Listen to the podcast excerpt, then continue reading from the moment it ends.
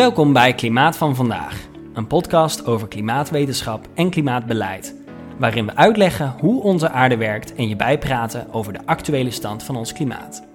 Vandaag gaan we het hebben over het broeikaseffect en alles wat daarmee samenhangt. Hoe werkt het? Waarom is het belangrijk? En we bespreken verschillende broeikasgassen. In het tweede gedeelte van vandaag plaatsen we het broeikaseffect in het perspectief van het grotere klimaatsysteem, door te kijken naar de koolstofcyclus.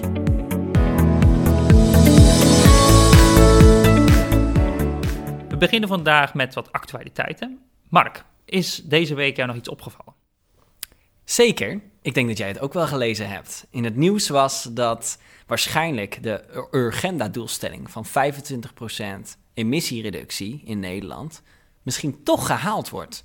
En ik denk dat het misschien goed is om daar wat, even wat achtergrond in te geven. Ja, inderdaad, dat klopt. Die 25% dat is best wel relevant. Het lijkt een beetje uit de lucht gegrepen. Maar daarvoor moeten we terug naar het Klimaatakkoord van Parijs, wat we over twee afleveringen uitvoerig gaan bespreken. Maar daar blijkt dat we een reductie moeten hebben van onze uitstoot. En dan hebben we het voornamelijk over CO2.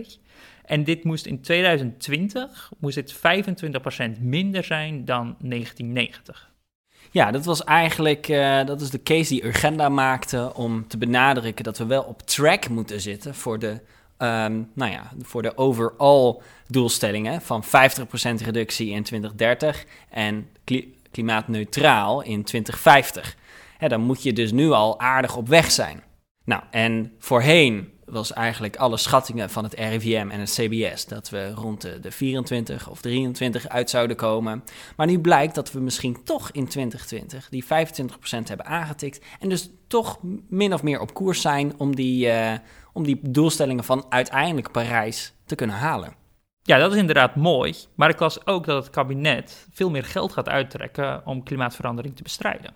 Ja, en dat is denk ik ook nog wel nodig. Hè? Want je, hè, als je nadenkt over de emissiereducties in de afgelopen tijd, nou, dan heb je een aantal grote chunks kunnen doen, ook onder, met name in de energietransitie. En daar is nog wel heel erg veel te halen. En daar zijn dus ook nog wel heel veel investeringen voor nodig, denk ik.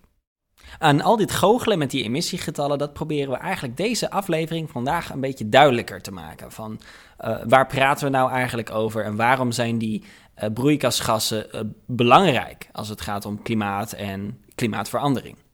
En dat gaan we doen door twee onderwerpen vandaag te bespreken. Aan de ene kant het broeikaseffect zelf, daar zoomen we op in. Hoe werkt het? Wat zijn belangrijke gassen die je moet kennen?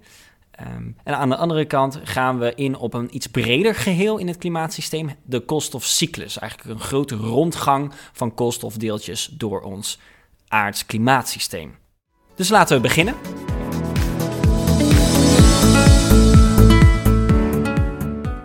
Ja, we gaan het dus nu hebben over het broeikaseffect. En het broeikaseffect is ontzettend belangrijk voor het huidige klimaatsysteem hier op aarde. Nou, we weten waarschijnlijk wel hoe het werkt, maar ik zal nog een korte toelichting geven. Wat je normaal hebt, is dat de zon zonnestraling uitzendt. En dat valt hier op aarde, waardoor het aardoppervlak warmer wordt. En vervolgens zendt de aarde ook warmtestraling uit terug naar de ruimte. En deze warmtestraling wordt een beetje tegengehouden door de atmosfeer, waardoor het wat warmer blijft hier op aarde en in de atmosfeer, waardoor het een vrij aangename temperatuur is. Klopt inderdaad. Je kunt eigenlijk het voorbeeld nemen van een broeikas zelf, hè? zoals we dat zien in een tuin van iemand waar zonlicht binnen kan komen, dwars door het glas heen. Warmt het een beetje op van binnen, maar die, die, die warme lucht kan niet, kan niet zomaar weg. Dat wordt door het glas weer tegengehouden. En eigenlijk dat idee zou je ook op het broeikaseffect op aarde kunnen toepassen. Ja, deze illustratie die beschrijft het perfect. Maar wat natuurlijk belangrijk is, is dus de mate van hoeveel zonlicht er binnenvalt. Dat is een vrij bepaalde factor van de temperatuur op aarde. Dat staat natuurlijk centraal in het broeikaseffect. Kan je daar wat over vertellen, Mark? Nou, we weten allemaal dat gedurende de dag, als de zon schijnt en er weinig wolken zijn, dat het warmer wordt. En ook plekken rond Evenaar, hebben we het vorige keer over gehad, uh, dat de, de zon hoger aan de hemel staat en daarmee directer zonlicht uh, met een hogere intensiteit op het aarde komt, dat dat het warmer maakt. En je kunt je dus ook wel voorstellen dat als er vanuit die zon een sterkere zonnekracht is, daar zijn ook schommelingen in. In specifiek in een soort cyclus of een omloop van 11 jaar, uh, van een hogere zonnekracht en lagere zonnekracht, dat dat invloed heeft op de temperatuur op aarde. Dus dat is inderdaad zeker een belangrijke factor. En dan hebben we ook bijvoorbeeld de afstand tot de zon. Dat speelt ook een rol. Zeker, dus als je uitzoomt naar uh, ons zonnestelsel, hè, Mercurius is de planeet die het dichtst bij de zon staat. Nou, die, uh, heeft, nou, die ontvangt daar een veel hogere intensiteit van zonlicht. Hey, en als we dan toch over zonlicht hebben, je kunt je ook voorstellen dat als jij een, een, een licht aardoppervlak heeft, zoals ijs bijvoorbeeld, dat er veel zonlicht direct weerkaatst wordt, zonder dat het geabsorbeerd wordt. En donker ondergrond, zoals oceanen of, of, donkere bossen, die absorberen juist veel, veel meer zonlicht, waardoor dat, nou ja, die, die in eerste instantie absorbering van die warmte groter wordt. Dus dat is ook een factor in de temperatuurbepaling. Ja, nu had jij het over reflectie aan het aardoppervlak, maar er is ook reflectie in de atmosfeer door zogenaamde aerosolen. Dat zijn soort stofdeeltjes die hoog in de atmosfeer zweven en wanneer het zonlicht daarop valt, wordt het ook gelijk teruggekaatst de ruimte in. Juist, en uh, daarin spelen vulkanen dus bijvoorbeeld een rol. Hè? Dus je hebt een aantal van die um, hele beroemde grote vulkaanuitbarstingen in de afgelopen twee eeuwen, eh, die een heel duidelijk effect hebben gehad. Dat kan je ook zien in die grafieken van de temperatuur op een, ja, eigenlijk een soort verkoeling tot gevolg hebben, doordat zij veel van die aerosolen, waar jij het net over had, allemaal de, de lucht inknallen. Dus dat is ook nog een effect voor de temperatuur. Dus deze factoren die bepalen inderdaad de temperatuur hier op aarde. Dat zijn er ontzettend veel. En een belangrijk is natuurlijk het broeikaseffect. Dat houdt dus in dat we die warmte echt vasthouden hier op aarde en dat het niet gelijk de ruimte ingaat. Maar Mark, wat zou er gebeuren als het broeikaseffect helemaal niet bestond? Ja, leuk gedachte-experiment. Dus dan heb je geen atmosfeer en wordt dus eigenlijk de temperatuur op aarde alleen maar bepaald door uh, nou, wat de aarde absorbeert en wat de aarde weer uitzendt. Eigenlijk zijn dat de twee twee grote soorten. Er, er, komt geen, er is geen glazen huisje om de aarde heen wat nog wat vast kan, zou kunnen houden. En dat hebben mensen uitgerekend en dan zou je op uh, een gemiddelde temperatuur op aarde uitkomen van min 18 graden. Dat is ongeveer 30 graden kouder dan vandaag de dag. Juist. Dus zo zie je dat het uh, broeikaseffect in eerste instantie eigenlijk een heel belangrijk en natuurlijk fenomeen is. Het wordt vaak in associatie gebracht met klimaatverandering, met uh, menselijke impact en nou ja, alle slechte factoren van dien. Maar het is ook gewoon iets heel belangrijks. En ook iets dat door het hele zonnestelsel uh, ook op andere planeten gebeurt. Het is niet iets dat hier alleen maar uh, vastzit op de aarde. Ja, want als we kijken naar andere planeten, daar vinden we ook soortgelijke broeikasgassen, maar een andere compositie van de atmosfeer. Klopt inderdaad. Laten we eens drie planeten in ons zonnestelsel uh, bekijken. En dan kiezen we uh, Mercurius, Mars en Venus. Waarom die drie planeten?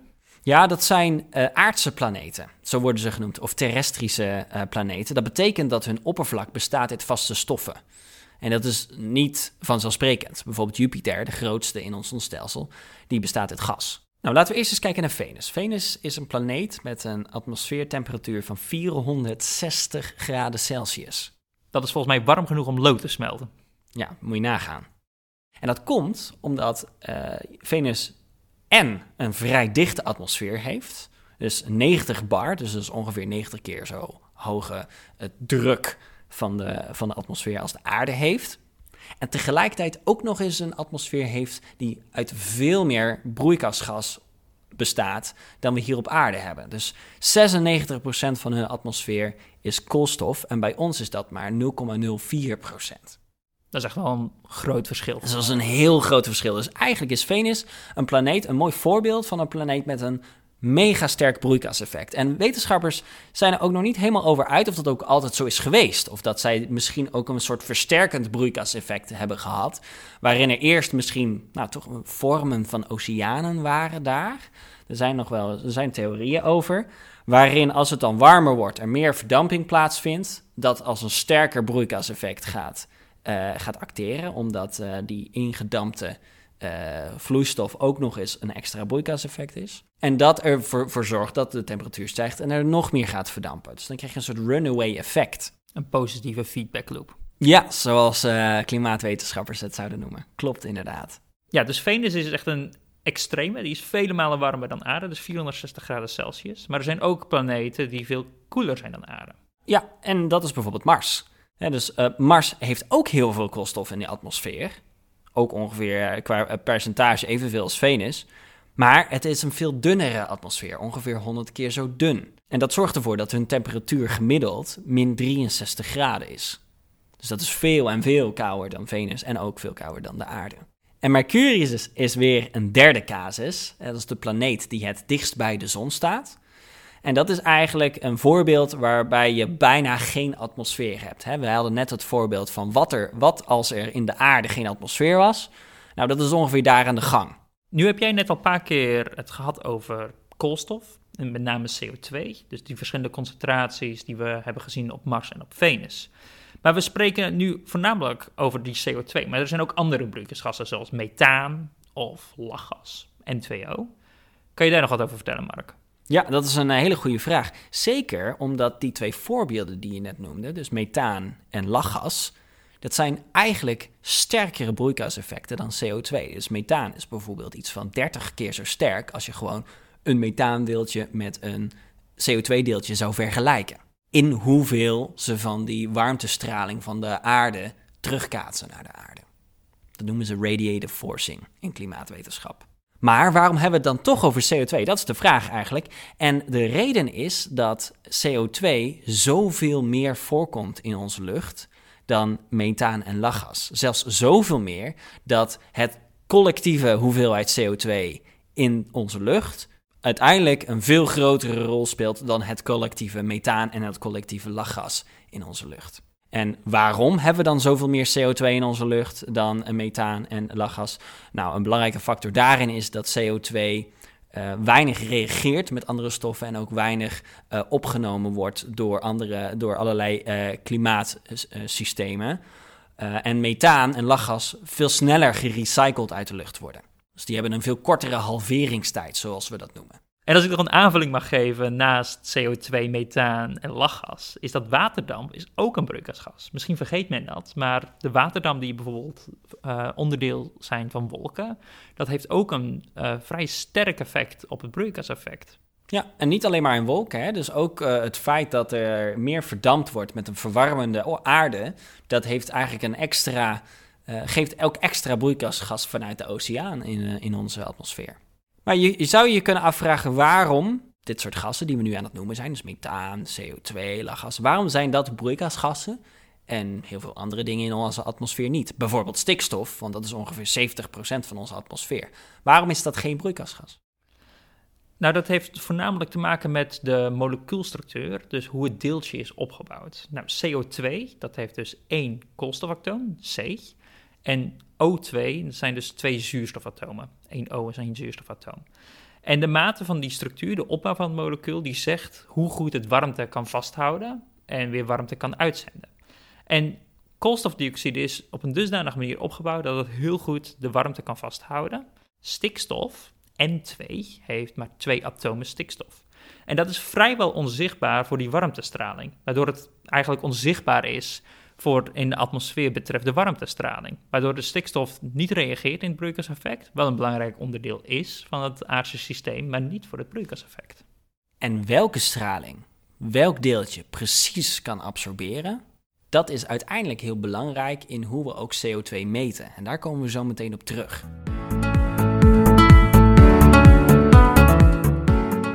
Het tweede onderwerp van deze podcast is de koolstofcyclus. Nou, dat bestaat uit twee woorden, koolstof en cyclus. We komen straks bij het woord cyclus aan, dus de rondgang van koolstof. Maar laten we gewoon eerst focussen op koolstof. Wat betekent nou koolstof? Waarom is het relevant? Koolstof is een bouwsteen van allerlei deeltjes. Bijvoorbeeld in CO2, dat noemde je net al. De C staat voor de koolstof. Maar ook in methaan. Methaan is CH4, daar zit ook weer koolstof in. En eigenlijk, als je naar allerlei dingen in het levend materiaal in onze wereld kijkt, dan zit er bijna altijd koolstof in. Bijvoorbeeld in ons eigen lichaam, een kleine 20% van, van onze bouwsteentjes zijn koolstofatomen. Ja, de meeste mensen kennen denk ik ook wel koolstof van de koolhydraten, dus de voedingswaarde die men inneemt. Ja, en denk bijvoorbeeld aan planten. 50% van hout zijn koolstofdeeltjes.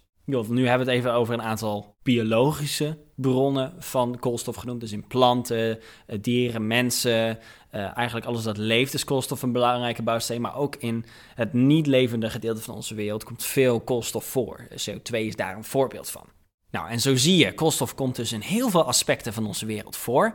En op een of andere manier is daar een grote rondgang van koolstof door waarin koolstof wordt gerecycled, in andere verbindingen wordt gestopt, daar weer wordt opgenomen, daar weer wordt uitgestoten. En dat geheel, dat noemen we de koolstofcyclus. Het broeikaseffect, wat we dus hebben, net hebben genoemd, is daar dus onderdeel van. Er gaat koolstof in, speelt een belangrijke rol in onze atmosfeer en er gaat ook weer koolstof uit. Ja, laten we maar gewoon inzoomen op die koolstofcyclus. Laten we gewoon maar ergens instappen. Bijvoorbeeld CO2 wordt opgenomen door planten. Inderdaad, wat je net al zei, dat 50% van het hout bestaat uit koolstof. Maar wat gebeurt er dan met zo'n plant? Dat, die koolstof zit nu vast in die plant. Hoe gaat dat verder verlopen? Er kan natuurlijk van alles verlopen, maar laten we inderdaad eens een, een, een voorbeeld nemen. Stel nou dat die plant bijvoorbeeld doodgaat en er, er, komt een laag aarde overheen, waardoor er niet goed lucht meer bij kan. Nou, dan blijft die, die, die koolstof blijft in eerste instantie min of meer op zijn plek. Nou, en bij hoge druk en een lange tijdsperiode kan dat worden omgevormd tot olie. En over hoeveel jaar hebben we dan? Ja, dan hebben we het iets van, eh, als we nou eens kijken naar welke olie we gebruiken in onze maatschappij, dan is dat tussen de 250 en 60 miljoen jaar geleden ongeveer. Dus daar gaat een enorm tijdsbestek overheen. Maar dat is een voorbeeld van hoe koolstof omgevormd kan worden tot iets totaal anders. en dan uh, is natuurlijk een belangrijke uitstoot van broeikas richting onze atmosfeer, hè, met het bruggetje naar de broeikaseffect, is dat wij als mens die olie vervolgens weer uit de grond halen en nou, verbranden of uh, op een andere manier gebruiken, zodat het uh, in de atmosfeer kan komen. Nou, dit pad van koolstof die door een plant wordt opgenomen, tot olie vormt en dan weer wordt uitgestoten door de mens, dat is natuurlijk een voorbeeld van, uh, en ook een onderdeel van dat grotere geheel dat we de koolstofcyclus noemen. Laten we nou eens de atmosfeer als een soort uitgangspunt nemen. Dan zijn er factoren die koolstof toevoegen aan de atmosfeer, dus het broeikaseffect versterken. En factoren die koolstof wegnemen uit de atmosfeer, die dus het broeikaseffect verminderen. De oceaan is een ander voorbeeld van iets dat daar invloed op heeft. Ja, inderdaad. De oceaan is een vrij belangrijke factor in de koolstofcyclus. Want de oceaan neemt bakken met CO2 op zonder dat we het eigenlijk doorhebben. En wanneer CO2 wordt opgenomen, dan krijg je zogenaamd koolzuurgas. Dat is denk ik wel bekend bij mensen. Maar koolzuurgas, zoals het woord het al zegt, is zuur. En een belangrijk effect wanneer CO2 wordt opgenomen door de oceaan, krijg je oceaanverzuring. En dit heeft best wel schadelijke effecten voor koraal, dat slecht bestand is tegen een verzurende oceaan. Klopt ja, dus er is een soort bepaalde balans tussen de oceaan en de atmosfeer, die ook het zuurgehalte van de oceaan bepaalt, wat je al zegt.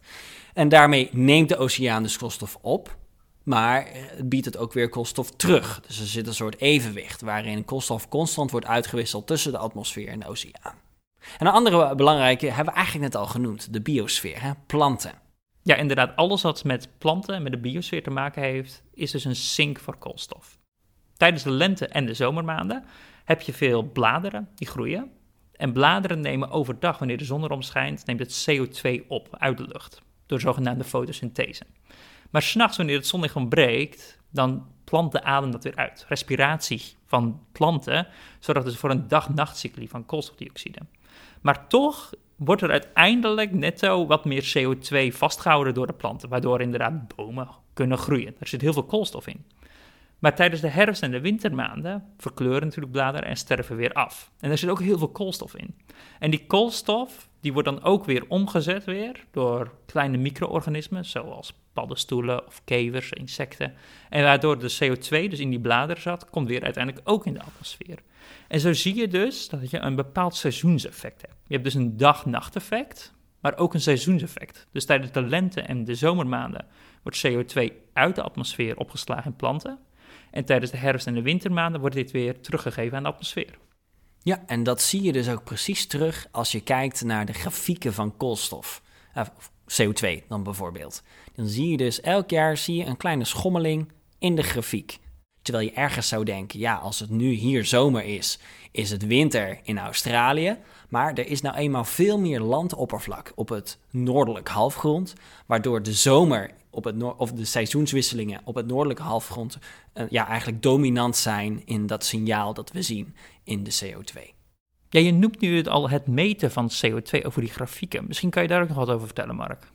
Ja, dus hoe meten we eigenlijk CO2? Dat is niet je CO-meter in huis. Dat werkt heel anders, kan ik je vertellen. Nee, ja. Nee, CO2, we hadden het er net al over.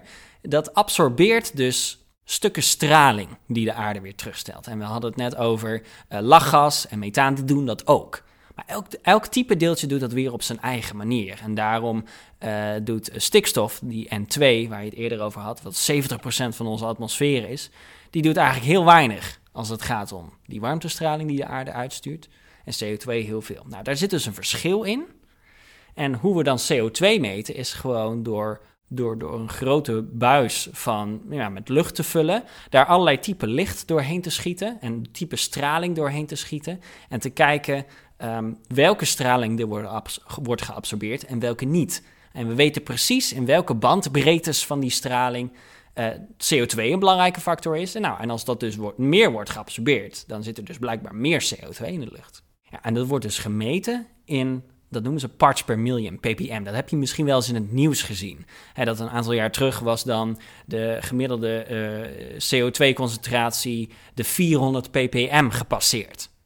Ja, en nu heb je het over het gemiddelde CO2-concentratie. Want het verschilt namelijk waar CO2 wordt uitgestoten, is het waarschijnlijk hoger dan het niet wordt uitgestoten. Dus hoe wordt dat gemiddelde eigenlijk uh, gemeten? Goeie vraag. Ja, eigenlijk cruciaal hierin is om te weten dat CO2 heel erg lang in de atmosfeer blijft. Dus de halveringstijd van CO2 is, geloof ik, iets van 200 jaar? Ja, ongeveer zoiets. En daarmee verspreidt CO2 dus in die 200 jaar, verspreidt CO2 zich dus heel mooi over heel de aarde. Dus heel erg veel schommelingen heb je niet in CO2, omdat het zich dus goed verspreidt. Maar om dat, uh, daar goed recht aan te doen aan het feit dat er natuurlijk vlakbij de bron van CO2 of de, de sink van CO2 verschillen kunnen zijn. Een beroemde oceanograaf, Charles David Keeling, dacht: ik ga CO2 meten in de mid-20ste eeuw op een plek dat je dus precies recht kunt doen aan nou, wat eigenlijk een, een mooi globale afspiegeling kan zijn van de CO2-meting. En waar beter dan midden in de grote oceaan op Hawaii en dan ook nog eens op 3400 meter hoog. Nou, daar heeft hij een groot observatorium neergezet. Dat heet het Mauna Loa Observatory. Dat is eigenlijk uh, een soort klassieke CO2-metingreeks geworden. Vanaf uh, eh, 1958 wordt er dus daar prachtig de CO2 gemeten en zie je ook de veranderingen. Nou, we gaan het volgende keer over klimaatverandering hebben. Zie je ook de veranderingen in die CO2-concentratie prachtig terug. En dat noemen we de Keeling curve. Ja, en dit is een prachtig bruggetje wat we vanaf nu willen introduceren: de CO2-meter. Dus bij iedere aflevering zetten we in de show notes de huidige CO2-concentratie en hoeveel het is veranderd in procenten ten opzichte van vorig jaar. En dat is dus belangrijk, even om dit te benadrukken, omdat je niet zo heel goed van aflevering tot aflevering de veranderingen heel representatief kunt maken voor nou ja, de, de, de grootschalige uitstoot van CO2 over de aarde. Omdat het, nou ja, het wordt langzaam herfst en zoals we net hebben geleerd, gaat dan de CO2 automatisch omhoog. Dus is het beter om het te vergelijken met precies een jaar eerder. Nou, dan kan je ongeveer vergelijken van hoe doen we het nou eigenlijk? Ja, dus kort samenvattend. Er is een natuurlijke cyclus, een natuurlijk evenwicht van absorptie en afgifte van CO2 aan de atmosfeer. Alleen de mens pompt nu een klein beetje extra CO2 in de atmosfeer. En dit zorgt ervoor dat de natuurlijke balans uit evenwicht raakt. En de consequenties daarvan zijn bijvoorbeeld globale temperatuurstijging en zeespiegelstijging. En over die veranderingen in ons klimaat gaan we het de volgende aflevering hebben. Dank voor het luisteren. Voor reacties kan je ons mailen en je kunt ons ook vinden op Instagram en Twitter. Tot de volgende keer.